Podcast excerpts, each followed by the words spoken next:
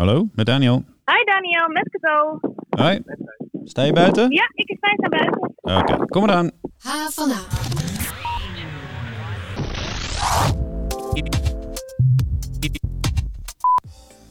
Fijn dat je luistert naar onze podcast. Elke week praten we door over nieuws en verhalen hier op de HVA. Mijn naam is Daniel Rommens en tegenover mij aan haar eigen bureau, want we zijn gewoon op de redactie, zit collega Andrea Huntjens. Hallo Andrea. Hey, hallo. Eh, hoe is het met je? Ja, wel goed. Wel fijn om hier weer te zijn eigenlijk. Ja, Na al die weken precies. Ja, mijn bureau thuiswerken tenzij het niet anders kan. Eh, dit kan niet anders. We moeten bij elkaar zitten, want de microfoons staan hier. Ja. Is er nog iets gebeurd op de campus of was het alleen maar vakantie en tentamens op de HVA? Nou, ik heb het idee, omdat het vakantie was, eh, waren de studenten natuurlijk nergens te bekennen. En daardoor hadden we heel veel verhalen over docenten. Eh, we hadden het over docenten die tijdens corona zijn begonnen met lesgeven.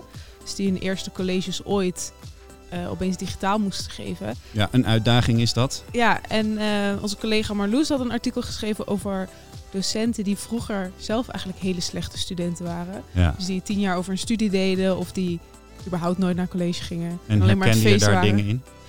Ik heb wel lang over, nou geen tien jaar, maar ik heb wel redelijk lang over studie gedaan. Eh, ook veel, ik herken het heel erg als een verhaal over een student geschiedenis, wat ik ook heb gestudeerd, die altijd de middeleeuwse geschiedeniscolleges eh miste omdat hij borrel had de dag ervoor. Dat kwam wel even dichtbij, want het was bij mij precies hetzelfde. Oh ja, heel goed. Nou, hetzelfde borrel? Of, eh? Ja, woens- woensdagochtend 9 uur middeleeuwse geschiedenis, dat ging nooit goed. Oh, ja, ja, ja. Nee, eh, er wordt hier instemmend geknikt en eh, gelachen. Stijn? Ja, hi. Hi, hallo. Hallo. Eh, ja, hoe zit dat met jou? Ga jij wel een beetje naar college? Nee, zeker niet. Ik eh stop juist dit jaar eh, een jaartje met colleges volgen. Oké, ja, want je zit bij ASFA als bestuurslid. Eh, ik ga gewoon maar meteen ook naar ons onderwerp van vandaag. Want we praten deze week met twee bestuursleden van ASFA Studentenunie. En dan gaan we vragen, wat doet die vakbond nou eigenlijk allemaal voor studenten? En vooral, wat heeft een HVA-student daaraan? En ik moet zeggen, we vieren ook wel een beetje een bijzonder moment vandaag. Daarom heb ik ook snoepjes en thee en koffie op tafel gezet. Want het is alweer twee jaar geleden dat er voor het laatst een HVA-bestuurslid van ASFA aan onze tafel zat. Maar nu zijn het er dus twee. Cato van Hoegé en Stijn Hermes, je hoorde hem al even, zijn aangeschoven aan een heel groot leeg bureau naast onze werkplekken. Eh, dat staat hier normaal als barrière, zodat mensen niet te dichtbij komen, maar jullie mogen eraan zitten, want dit is wel... Is dit anderhalf meter? Jawel, denk Ja, ik wel. dat is wel Zo, anderhalf misschien. meter. Zo, wel, leuk. wel, ja. Ik ga een beetje links eh, hangen. Ehm, is het eigenlijk belangrijk dat er HVA'ers in het eh, ASFA-bestuur zitten, Cato? Ja, tuurlijk is dat belangrijk. Eh ASFA is de vakbond voor HVA als UvA, ook eigenlijk gewoon heel Amsterdam. En dat is enorm belangrijk dat je daar dan ook eh, studenten hebt van de scholen waar het over gaat, die in het bestuur zitten, om die ook te vertegenwoordigen. Want wanneer je op de HVA acties wil uitvoeren, onderzoeken wil doen en het überhaupt wil hebben over hoe het op de HVA is, is het altijd wel handig om iemand te hebben die ook weet hoe het op de HVA is. En hoe Ja. doe je het nou beter dan een HVA? Ja, precies. Die UvA'ers weten dat niet. Nee, die slaan dan verkeerde toon aan en zo. Nou, dat denk ik ook niet. We zitten natuurlijk allemaal met één grote missie eh, om het zo goed mogelijk te doen voor de Amsterdamse student. Maar het is natuurlijk wel een andere ervaring als je alleen maar van verhalen en horen zeggen eh, moet oordelen wat er goed is voor de HVA. En als jij zegt, nou ja, ik zit er zelf op, eh, was er gisteren, eh, ik heb gemerkt dat, dus ik ga het nu hebben over. Ja, en wat maakt het dan anders? HVA en UvA? Hmm, ja, ik denk toch een manier van de omgang. Ik heb zelf natuurlijk het HBO als een iets praktischere vorm van onderwijs. Dat is dan een heel andere thema, een heel ander thema om je dan mee bezig te houden, omdat je dan heel erg ja, bezig blijft met hoe zijn de projecten, hoe gaan de stages, hoe zit dat allemaal in elkaar. En eh, dat is een hele andere denkwijze dan wanneer je denkt, oké, wanneer is welk tentamen, want het zijn vooral theoretische toetsen. Dus ik denk dat het ook op zo'n manier eh, heel belangrijk is dat je daardoor de verschillen wel erkent. Want er zijn natuurlijk verschillen en die zijn echt niet zo drastisch groot dat je het over eh, nou, orange en apples gaat vergelijken. Nee, Maar het is Maar wel belangrijk wel. genoeg om ze aan te kaarten. Ja, en jij studeert eh, bestuurskunde volgens mij. En dan kan ik me nog voorstellen dat je bij eh ASFA gaat. Dat is een redelijk politiek eh, opstapje, denk ik. Eh, maar Stijn, jij studeert stedenbouwkunde. Ja, dat Kun je klopt. daar de link met ASFA en stedenbouwkunde vertellen? Nou, ik denk, ik kan niet direct de link leggen tussen stedenbouwkunde en eh ASFA zelf. Maar zelf heb ik vorig jaar het bestuur van ASV Beeld gedaan als secretaris. En daar merkte ik gewoon heel veel, dat er meerdere onderdelen waren wat ik heel bijzonder vond. Waaronder de communicatie met docenten, dat dat bij de ene vereniging heel goed ligt. En bij de andere vereniging juist een stuk minder. En ik vond dat zo bizar. En ik dacht, ja, dat ik dit merk, dat zal ongetwijfeld wel bij veel meer verenigingen de situatie zijn. Toen dacht ik, ja, misschien wil ik dit wel breder trekken. En toen ben ik gaan solliciteren bij ASFA. Heel goed. Vorig jaar eh, lukte het ASFA niet om HVA'ers voor het bestuur te vinden. En dat leidde dan ook tot veel kritiek van HVA'ers, bijvoorbeeld uit de medezeggenschap en het bestuur. Ehm, dit probleem speelde trouwens ook, uh, speelt bij sommige uh, landelijke studentenbonden nog steeds. Maar na heel wat media-aandacht, onder andere van ons, en kritiek, werd er daarom bij die bonden ook bij ASFA extra aandacht besteed aan het vinden van HBO'ers voor de besturen. Hebben jullie eigenlijk op enig moment het idee gehad dat je vooral geselecteerd bent omdat je HVA'er bent? Ja, dus altijd even afwachten wie de spits afbijt. Ik in ieder geval totaal niet. Um, en dat is omdat ik zelf ook een sollicitatiecommissie gedaan heb ooit in een ver verleden. Uh, en ik weet gewoon hoe belangrijk het is om geselecteerde kandidaten ja, vooral heel capabel te hebben. Want anders heb jij een bestuur wat niet goed staat. Ja. En uh, mocht het nou zo voorgedaan hebben dat het alleen maar UvA-studenten waren die het echt beter hadden gedaan, denk ik niet dat ze dachten, oh, we zetten er een token HBO erin. Nee. Uh, en, en, ik denk ook dat het bijdraagt dat we met z'n tweeën zijn. Dat het echt niet uh, alleen maar voor de getalletjes is. Nee. Stijn, heb je wel eens dat mensen zoiets uh, tegen je zeggen of vragen? Behalve ik dan? nee, helemaal niet. Maar misschien ook omdat ik ook samen met een andere vriendin had gesolliciteerd. En die was ook al snel uitgeselecteerd, zeg maar. En die deed ook HBO. Dus ik had al wel snel de neiging dat het echt ging om kwaliteiten en naar er, wat jij ergens over vindt. En dat daar de selecties op zijn gemaakt. En ik denk, en ik ben er eigenlijk wel van overtuigd dat de rol dat er HBO'ers in moesten, dat dat niet voor mij de keuze was van jij bent erin, want Nee. je bent HBO'er, maar Ja. meer om de kwaliteiten die ik bezit. Ja, precies, want je bent gewoon goed met geld. Ja, Toch, als penningmeester? ik ben goed met geld, maar ik ben vooral heel geordend en heel netjes en alles in mapjes. Goed en, met eh, Excel. Ja, precies. Ja, nog les over gehad.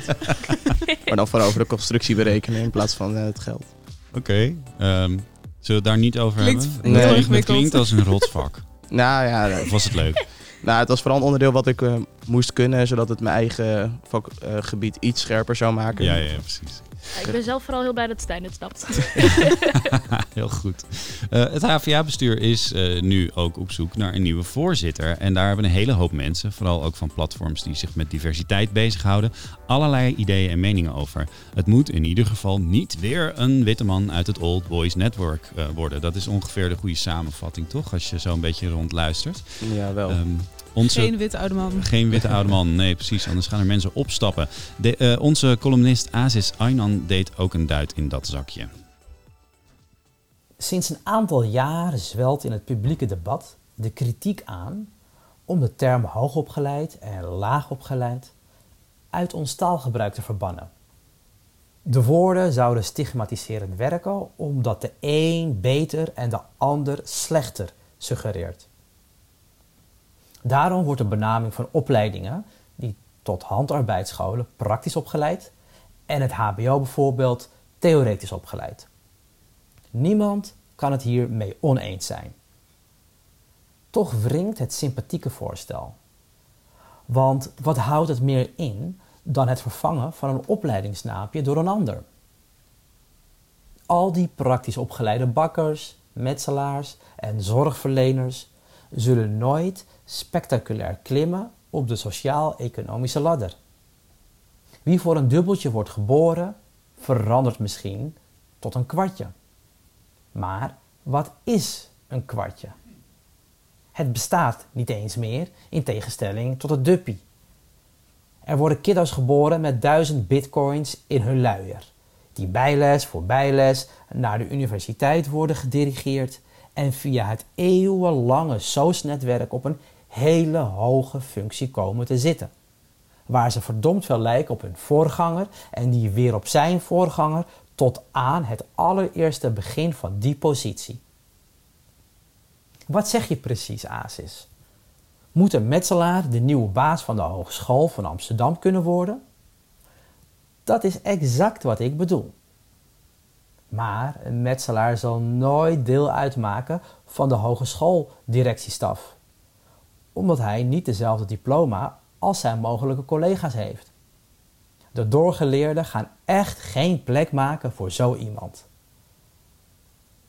Maar waarom niet? De vorige bestuursvoorzitter werd niet gerespecteerd om een proefschrift of een professoraat. maar om zijn communicatieve vaardigheden, die gedurende het leven zijn aangeleerd en verfijnd. De enige manier om deze in mijn ogen onrechtvaardigheid tegen te gaan is het instellen van een verplichte vrij in te vullen zetel in alle directies, raden, besturen en alle andere managementlagen waar je in praktische zin geen enkele theorie voor moet kennen, maar aanleg hebt voor de kunst van het verbinden. Ik heb zelf de zinnigste zaken uit boeken gehaald. En de verschillende didactische omgevingen zijn vormend geweest. Maar ik leer het allermeeste op de levensuniversiteit, waar ik van analfabeet tot zakenmens nog iedere dag les krijg. Wat vind jij, Cato? Een metselaar als voorzitter, is dat een goed idee? Goed of slecht idee vind ik dat niet per se, omdat, uh, wat meneer ook zegt, het hangt echt af van zijn kwaliteiten. Maar wat hij noemt over het hoge en het lage opgeleide, dat is iets waar ik zelf ook enorm merk en waar ik ook echt heel erg van af wil. Uh, ik kom zelf van het VWO af. Toen ben ik uiteindelijk uh, heb ik de HAVO afgemaakt en nu zit ik op het HBO. En ik weet nog wel, op mijn middelbare schooltijd waren er echt heel veel docenten die zeiden: Oh, wat zonde, je bent afgezakt. Dat ik echt dacht: Oh, is, is dat iets slechts dat ik nu een, een andere vorm van onderwijs ga volgen? Is het nu minder waard? Ben ik nu minder als persoon? Is het nu. Waarom wordt er zo negatief over gedaan? En dan ben ik toevallig uh, een beetje bezig in onderwijsland, waarom ik ook hier zit. maar daar merk je echt wel dat verschil tussen hoog en laag is er eigenlijk helemaal niet. Het is vooral het praktische, theoretische verschil wat je heel erg ziet. Ja. En dan denk ik zeker wel uh, ja, in directiefuncties, in bestuursfuncties, dat het ook wel gaat over wat je kan en wat je op de tafel kan brengen. Want als iemand keihard kan werken en het goede werk kan verrichten, ja, dan voegt denk ik een diploma echt niet meer toe of haalt het veel weg wanneer het uh, van bepaalde waarde is. Ja. Stijn, um, tussen het HBO en het wetenschappelijk onderwijs uh, is, is vaak uh, wordt heel vaak ook de verschillen worden aangeduid. En uh, we hebben het dan nu over praktisch en theoretisch. Dat is natuurlijk binnen, binnen die twee is daar ook uh, een groot verschil. Hè? HBO is veel praktischer dan wetenschappelijk onderwijs. Ja, dat verschil is er. Maar waar we het net ook over hadden, het gaat nog altijd om de kwaliteiten die een persoon draagt. En dat merk je ook als je een studie aan het doen bent of als je een vak aan het uitoefenen bent. Je kan dat omdat je het om, je doet dat omdat je het vaak kan. En anders kan je het leren. En ik Ja. denk dat iedereen dat kan leren, maar wel op zijn eigen tempo en op zijn eigen manier. Iemand in de horeca die als afwasser begint, die kan ook eindigen als iemand die sluit en me- medewerkers aanstuurt. Ja. Dus Precies. ja, dus ik ja. Dus je gaat meer uit van persoonlijke kwaliteit dan, dan dat eh, papiertje of dat stempel dat erop geplakt wordt. Nou, indirect, maar ik denk ook dat je elke, elk, dat stempeltje wel kan halen, ook al is het misschien op de manier, maar dan moet je de eh, manier van leren aanpassen op de kwaliteit van de persoon. Wil je... Ja? Sorry. Nee, ga maar. Ga maar. Nou ja, eh, ik heb het gevoel dat het HBO vaak een beetje als ja, opbouwladdertje wordt gezet voor de Unie. Dat ze zeggen, oh ja, HBO, ja, dat ga je alleen maar doen voor je propenduizen, zodat je daarna naar de Unie kan. Of je gaat alleen maar je bachelor halen voor een master. Wat oké is als de dat is universiteit helemaal oké beter als jij dat past. wil en de universiteit dat zeker wil, klopt. Maar dat is niet de enige functie van het HBO. Er zijn ook mensen die wel van het VWO afkomen en die willen juist het HBO voor het praktische. En ik denk Mhm. dat dat vaak vergeten wordt in het gesprek van waarom mensen kiezen voor het HBO. Het is echt niet alleen maar een opzetje om door te gaan naar de Unie. En ik denk dat dat wel heel jammer is, omdat je daarmee heel veel HBO'ers eigenlijk tekort doet in eh, het crediten van waar zij allemaal mee bezig zijn. Ik moet heel lang geleden moest ik al zeggen, wil je meer nieuws en verhalen of columns lezen? Ga dan naar onze site www.hvna.nl. Want we zijn altijd op zoek naar verhalen van HVA'ers. Dus heb je een leuke tip? Neem dan contact met ons op, want Andrea gaat graag met je aan de slag om een verhaal van te maken. Altijd. Altijd. Mail naar hvna.hva.nl of stuur ons een berichtje op sociale media. Je hoort de studenten van de HVA hier. Als jij door de security heen moet komen, waar zou je je drugs verstoppen? Eh, hoezo wil je dat zo graag horen? Ik ben bang als ik dat ga zeggen, dat, er- dat ze dan echt een rechtszaak tegen me aanspannen. echt letterlijk. Welk meisje waagt zich nou in de wereld van lege pizzadoos en PlayStation-avonden met energy drinks? Ja, nou. Nou, wij. Wil je niets missen van het nieuws en de verhalen van de campus? Schrijf je dan in voor de nieuwsbrief op havana.nl. Een nieuw schooljaar betekent ook altijd een nieuw ASFA-bestuur. En normaal gesproken zit hier eh, aan onze tafel aan het begin van dat schooljaar dan de kerstverse voorzitter om eh, kennis met ons te maken. Maar wij vonden het nu een veel beter idee om Cato en Stijn uit te nodigen. Want dat is immers het duo dat echt namens de HVA-student kan spreken en handelen. Maar goed, uh, jullie voorzitter drong alsnog voor. Want we hadden eigenlijk al een afspraak twee weken geleden. Drie weken geleden is het alweer. Uh, want precies op de dag dat jullie zouden komen praten, kwam hij met het nieuws dat ASFA meehielp met het organiseren van een demonstratie voor meer fysiek onderwijs. Uh, maar goed, een demonstratie, een herfstvakantie en twee coronatests later zitten jullie hier dan toch. Cato, jij sprak op die demonstratie waar ik het net over had. Wat was jullie boodschap daar eigenlijk? Wat heb jij daar gezegd? Uh, ik heb daar vooral gezegd dat het heel belangrijk is dat de waarde van het fysieke onderwijs niet onderschat wordt. Uh, het digitale onderwijs wat nu gegeven wordt, is een goede vervanging die uh, nodig was in afgelopen maart, omdat toen ineens de grote omslag was door de grote coronapiek. Maar het moet geen blijvende vervanging zijn. Er was ooit een belofte dat het vanaf september weer zoveel mogelijk terug zou gaan naar normaal. En we blijken, er blijkt nu gewoon dat dat niet zo is. En ik maak mezelf zorgen als ik nog drie, vier jaar digitaal les krijg en één keer in de twee weken op school mag verschijnen voor een les en verder alles thuis uit mag vogelen, dat ik dan een diploma heb dat ik denk, nou, ik ben afgestudeerd voor het formele, maar zelf weet ik dit niet zo goed. Nee. Ik weet wel nog dat jullie demonstratie was toen een paar dagen nadat eigenlijk die nieuwe coronamaatregelen werden. Klopt. Uh, ja, klopt. Een soort van de, de nieuwe lockdown, semi-lockdown. ja. um, vond je dat niet een, een rare timing om dan juist te gaan spreken voor meer fysiek onderwijs? Terwijl ik werd afgeraden om nog überhaupt contact te hebben met elkaar. Nee, vind ik niet. We hebben ook uh, voor de demonstratie hebben we toen ook meteen gepleit van... hey, woon je niet in Amsterdam, kom dan ook niet. Dan zorgen we dat je uh, vertegenwoordigd staat, maar kom niet zelf, want dat wordt afgeraden. Laten we die richtlijnen wel volgen. Maar beleidswereld is een uh, af en toe iets wat trage wereld. Dus wij dachten, oké, we hebben hier heel veel werk in gestoken. We gaan dit wel doorzetten, want dit is een punt wat nu speelt. En dat gaat blijven spelen als we er nu nog steeds niks aan doen. En stel, we zouden gaan demonstreren en de minister zou per direct zeggen... oké, dit gaan we doen hebben we alsnog geluk als het een half jaar later geregeld is. Omdat dat gewoon wat langzamer in zijn werking gaat dan eigenlijk ja, wat je heel graag zou willen. Maar dat is ook helemaal logisch dat het wat langzamer gaat. Want er is natuurlijk heel erg veel te doen op beleidgebied. Het is een beetje als alvast je volgende biertje bestellen als je net voorbij de bent, zeg maar. Ja, Ja, we, nou ja. pleit- we waren ook aan het pleiten voor veilig fysiek onderwijs. Ja. Dus als dat dan is met de maatregelen die er zijn, dan is het met de maatregelen die er zijn. Ja. Maar het is altijd beter dan wat er nu is. Ja. Ja. En hoe zagen jullie dat? eh, hoe zien jullie dat? Want eh, je bent niet van mening veranderd voor je. Eh, dat, dat we eh, bijvoorbeeld de andere zalen van de rij afhuren en daar tafeltjes neerzetten? Nou, je zegt het met een iets wat cynische toon, maar eigenlijk precies dat. Is, is dit cynisch? Oh, dit is Nee, het mijn, een beetje heel Sorry, Daar dit is- dit is mijn resting bitch stem. Nou ja, maar eigenlijk precies dat. Eh, er staan heel veel gebouwen leeg, zeker met nu de sluiting van de horeca. Eh daar staan gewoon heel veel gebouwen leeg. Dat is enorm zonde. Eh, de klassen zijn vaak al kleiner doordat er nu corona is en doordat het allemaal lichter is. Maar stel, jij zou vier werkcolleges in een week hebben, waarvan drie online en één fysiek. En er zijn dan nou, misschien het koffietentje wat toevallig naast de HVA staat waar je heen kan. Bijvoorbeeld in Café Vest. Stel, dat zou geopend worden voor studeerplekken.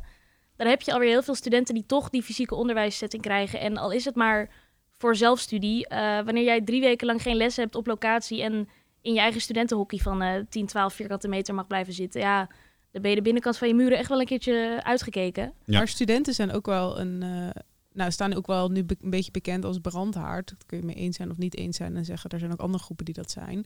Ehm, maar het idee is wel dat het een soort van wordt afgeraden voor studenten om überhaupt met elkaar bijeen te komen, omdat eh, nou, die besmettingen onder jongeren alleen maar oplopen. Is zo, maar het is natuurlijk niet dat je met, je met je vrienden even gaat chillen of zo. Het is ook niet dat je even een drankje gaat doen of een borreltje of bij elkaar gaat eten. Je komt daar om te studeren en zeker met je klasgenoten. Ja, daar heb je tot een mate een band mee, maar dat zijn meestal niet de, de mensen die je zelf uitkiest voor je gezelschap. En wanneer dat wel op afstand kan, dus veilig, dus tafels uit elkaar, kleine klassen, kun je alsnog heel veel bereiken om toch dat fysieke onderwijs maar te hebben. Waar je dus docenten bij helpt om die digitale druk weg te halen, studenten helpt voor hun mentale gezondheid en ook weer de kwaliteit van het onderwijs toch beter kan blijven beloven, omdat je dan een andere band hebt met je docent. Stijn, even in het algemeen. Wat doet ASFA voor studenten, behalve demonstreren? Nou ja, wat, wat doen we niet voor studenten? Dat is dan eigenlijk een beetje de vraag. Ja, wij, wat wij eigenlijk doen, wij komen op voor de belangen van de Amsterdamse student. En dat is naast dat wij demonstreren voor hun belangen die, wij, die, we, die belangrijk zijn voor een student, doen wij ook eh, nou, heel veel gesprekken maken. Doen wij nog met eh studievereniging, dat ben ik dan nu vooral aan het doen. Verder hebben wij ook nog een uitleenservice. We hebben een fietsverkoop. We proberen, wat we, wij proberen altijd zoveel mogelijk te doen om het leven van de Amsterdamse student gewoon makkelijker en eh, eh, noem je dat? Gangbaarder te maken. Leuker ook? Ja, 100 procent. Oké, heel goed. Ehm, wat doe je zelf eigenlijk op zo'n dag? Hoe ziet een dag van Stijn de penningmeester eruit?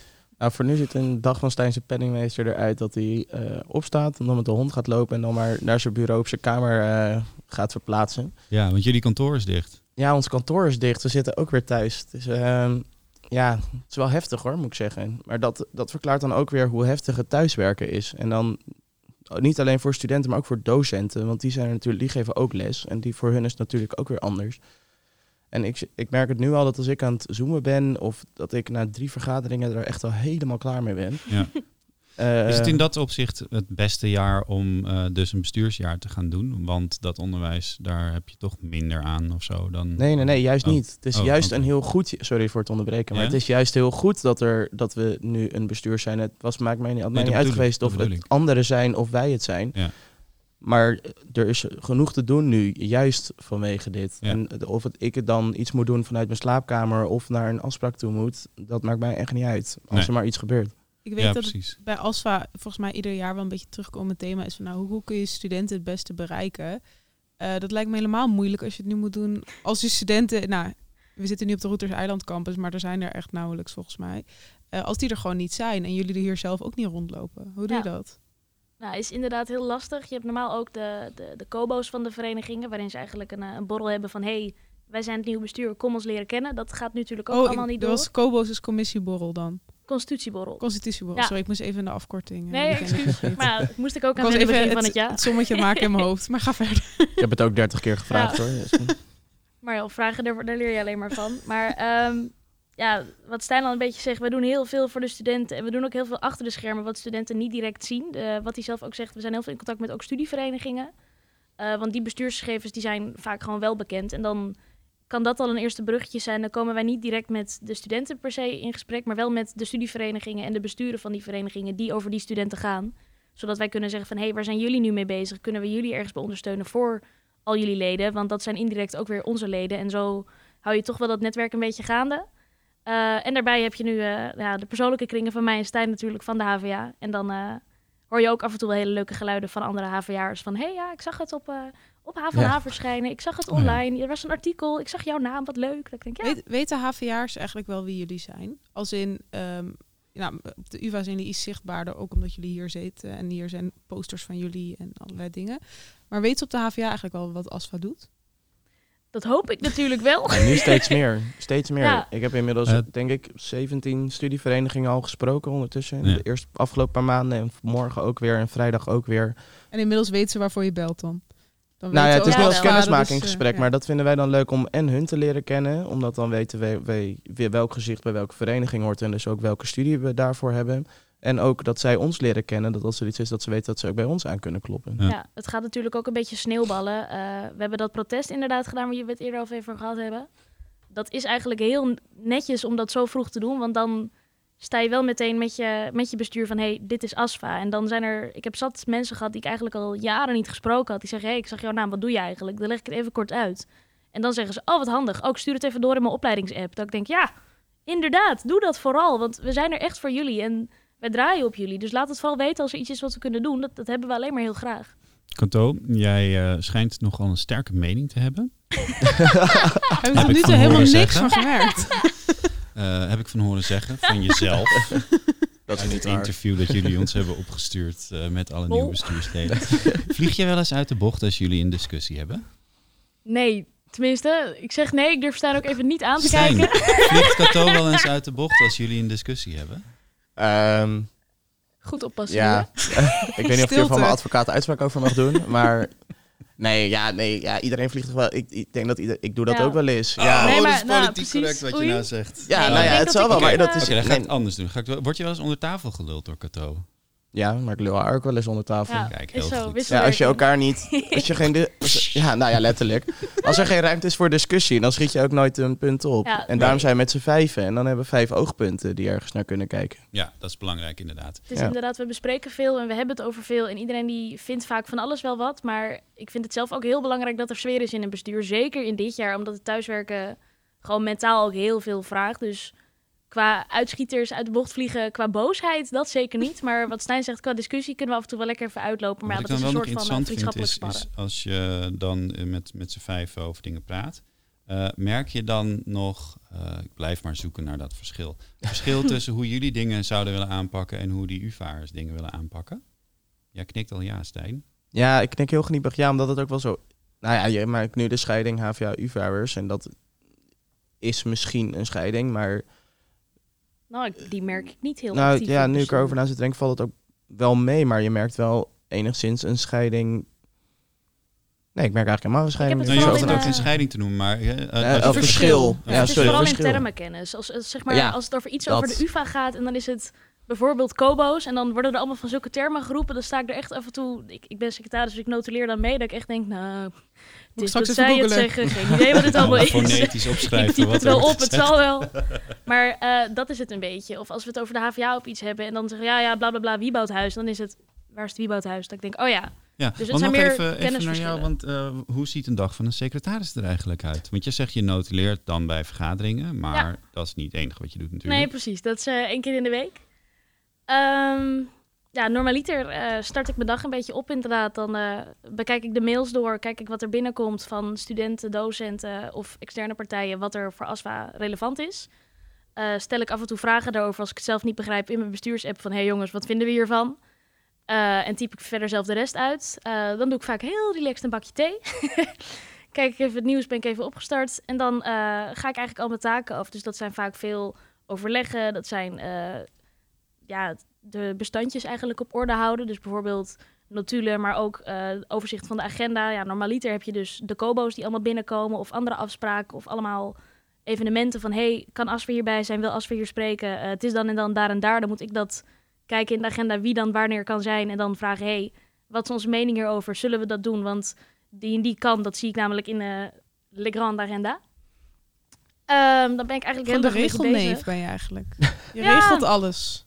Nou ja, ik ben, wel, ik ben wel secretaris. Ik ben geen secretaresse. Het is niet dat ik, eh, dat ik afspraken maak voor mensen, zeg maar. Maar als het bestuursbreed dingen zijn die eh ASFA aangaat... dan zijn dat wel eh, ja, mijn planzaken. Omdat ik eh, intern verantwoordelijk ben voor het eh draaiende houden van de vereniging ook. Ja. Dus, eh, Misschien Wat- meer een beetje zoals daar? de Kamervoorzitter of zo. Die, Je bent Ariep van ja, precies, ja. Dat is een goede Ja. term, die moet je echt gebruiken. Dat is...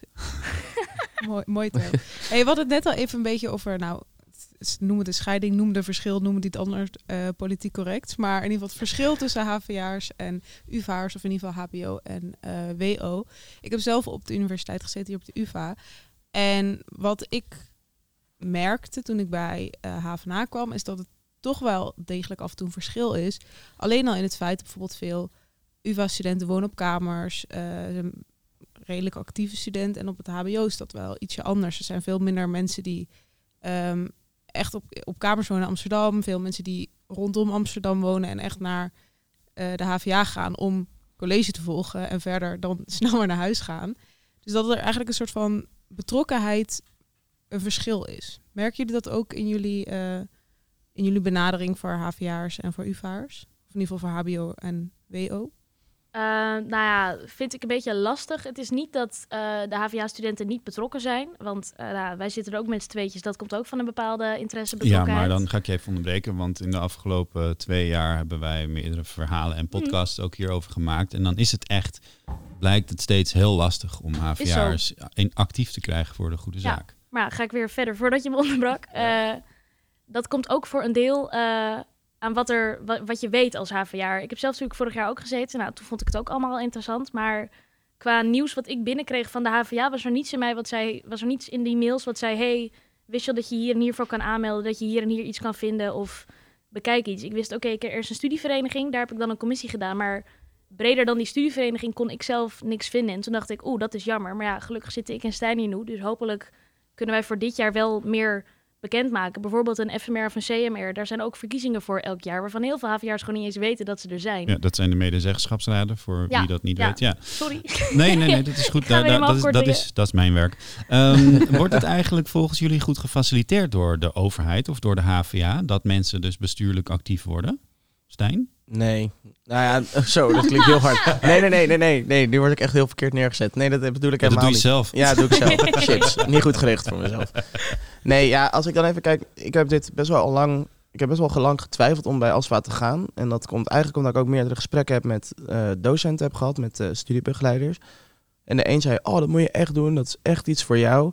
En de ander zegt, nee, dat moet je echt niet doen. Dat gaat je alleen maar geld kosten en in principe duur je langer over je studie, dus zit er bijna geen voordelen aan. En dan denk ik, of het nou positief of negatieve feedback was voor mij, of ik het wel of niet moest doen, dan denk ik, ik kies, kies er zelf wel voor of ik dit wel of niet ga doen. En ik Ja. had niet het idee dat het nou echt, eh, dat, dat het werd, eh, nou, Gestimuleerd? gesti- ja, dank je, gesti- Zo, nou, mijn Engels is nog slechter. Kan je...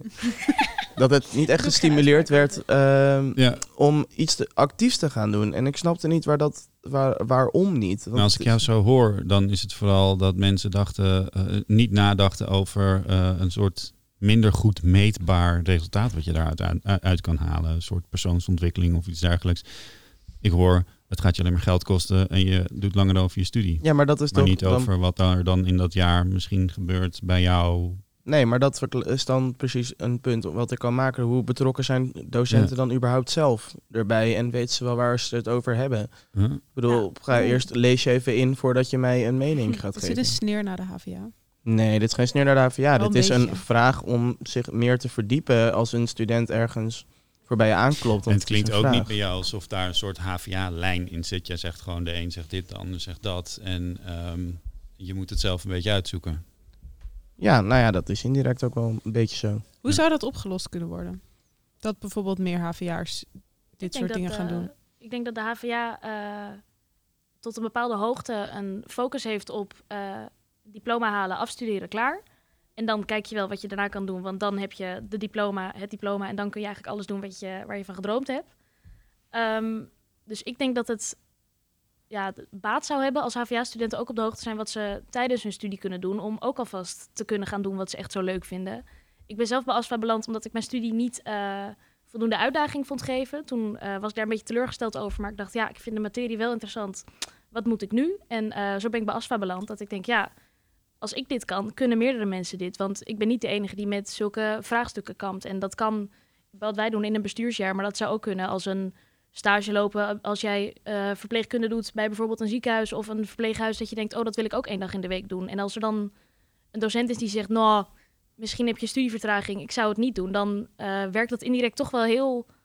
eh, dat speelt toch wel heel erg mee in je beslissing... zonder dat je er eigenlijk heel erg over nadenkt.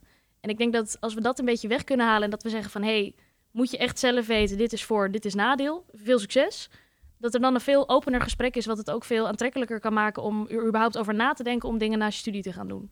Ja, wat jij zegt inderdaad, dat de keuze wel aan jou wordt gegeven, maar dat er ook wel dat beide perspectieven naar voren worden gebracht in plaats van in een, of een negatief of een positief perspectief. En omdat het wel jouw keuze blijft. Stijn, ik zag jou eh, al heel vroeg in het collegejaar bij AT5 voor de camera staan. Want een van jouw eh, faculteitsgenoten, Rogier van der Heijden, startte een maand of twee geleden een petitie voor het terugbetalen van een deel van het collegegeld. Jij steunde die actie toen. Eh, dat betekent dat jij het met hem eens was. Dus dat het onderwijs zoals het nu is niet afdoende is. Nou ja, goed. Dat weten we, want je pleit voor meer fysiek onderwijs. Ehm, Rogier eh, heb ik later weer gesproken. Die is intussen gestopt met zijn studie omdat hij zegt niks aan dat online onderwijs te hebben. Hoe kijk jij daar nu naar? Hoe doet de HVA het wat jou betreft op dit moment? Ehm, nou ja, ik vind het verbazingwekkend hoe snel ze wel hebben kunnen schakelen. Dat het onderwijs wel is doorgegaan, misschien niet fysiek. Maar ik ben nog steeds wel van mening dat je een tijdje kan vragen om scholieren fysieke of eh, eh, digitale aandacht te vragen om digitaal zich te blijven concentreren. Maar dat, dat kan even en niet te lang. Want ik merkte het zelf aan het einde van mijn eigen studiejaar. Ik, ik kon niet meer. Ik was echt ik was echt er helemaal klaar mee. Ik heb mijn laptop op een gegeven moment gewoon uitgegooid, letterlijk. Ja. Eh, die is nu ook bijna stuk. Oh. ik heb hem echt letterlijk zo... Uit het raam gegooid. Ja. Nou ja, dat scheelde echt niet veel. Maar ik was echt zo van, ja, ik kan gewoon geen schermpje meer zien. Het kan niet meer. En zeker nu het donkerder, snel donker is buiten. Mensen gaan ook niet meer even snel een rondje wandelen of zo. Nee. Jij zei net even voordat we begonnen dat je eh, dit jaar helemaal geen colleges volgt. En dat is natuurlijk deels vanwege het bestuursjaar, maar is dat dan ook deels vanwege het online onderwijs? Nou, ik zou eigenlijk stage lopen nu. Maar ik heb er ook wel voor gekozen of ASFA of stage lopen. En toen heb ik op een gegeven moment gewoon zelfs gezegd... of ASFA of een half tussenjaar. Want ik hoefde ook niet zo nodig stage te lopen in coronatijd. Want dan dacht ik dat ik weer tegen hetzelfde punt aan zou gaan staan als waar ik eind van mijn schooljaar tegenaan heb gestaan. Ja. En toen was het voor mij wel een beetje punt gemaakt. Even niet, ik pak het daarna wel op. Ik moet de komende, als het voor ons zo doorgaat, de komende 70 jaar nog werken waarschijnlijk. dus eh, ik had zoiets, even mooi, even rust. Ja. En anders gaan we even werken of zo. Ehm, uit datzelfde eh, serietje interviews wat ik eh, zag, ehm, daar stond dat jij vindt dat de communicatie veel beter kan. Wat bedoel je daar precies mee? Op de HVA dus. Nou ja, ik had toch net al een voorbeeld dat er mensen niet wisten van verkiezingen. Ja. Nou ja, daar was ik er één van. Ik wist dat ook niet. En ook dat de, vind dat de communicatie tussen überhaupt de HVA, dus binnen faculteiten, of faculteit naar faculteit, of do- faculteit eh, docent, docent, student, om het even, wat het allemaal ook is, dat dat beter kan. Want er is zoveel miscommunicatie en dingen die de verkeerde kant op gaan. Bijvoorbeeld dat eh, we hebben een projectleider en dat schijnt niet degene te zijn die ik moet, bena- moet benaderen voor iets van dat blok. En dan denk je, wie, wie dan wel? En dan dat, soort dingen, dat stoort mij heel erg. En ook dat bij de ene vereniging de band met docenten super goed is en dat die elkaar willen helpen en mede organiseren. En bij de andere vereniging worden, wordt een vereniging gewoon als studentenvereniging neergezet. Denk ik. Dus wat ik eigenlijk, als ik het mag samenvatten, jij mist wat samenhang daarin. Of Ja, ja. En Ja. dan eh, ja, en dat is bij dat verschilt ook binnen een faculteit, maar ook tussen faculteiten en ook tussen verschillende studies. Ik studeer dan bouwkunde wat acht richtingen heeft en zelfs daartussen verschilt het. Ik Ja. vind dat echt, echt bizar. en Ik snap Als je dat niet. 25 jaar geleden eh, dezelfde opleidingen had gedaan, eh, dan eh, had jij aan de Geen Academie voor Maatschappij... dat zou kunnen, inderdaad. jij had aan de Technische Hogeschool eh, Ja. gestudeerd. Dus waarmee ik even wil zeggen, het is ook een soort... Het is een samengeraapt zootje opleidingen, instituten... die eh, maar gefuseerd, gefuseerd, gefuseerd zijn. Ehm, is het niet ook gewoon heel erg eigen voor al die faculteiten... om toch een beetje eigen eilandjes te zijn en te blijven? Ja, zeker, zeker. Dat ben ik helemaal met je eens. Iedereen mag natuurlijk, die studie mag zo ingericht worden zoals ze het zelf willen. Maar dat er verschillende vormen van communicatie zijn, omdat elke, dat er zelfs binnen een faculteit een andere vorm van communicatie is, dat vind ik heel raar. Als ik Ja. switch van studie, als ik nu cadeau studie zou gaan volgen, ik zou niet weten wie ik moet benaderen voor iets. Nee.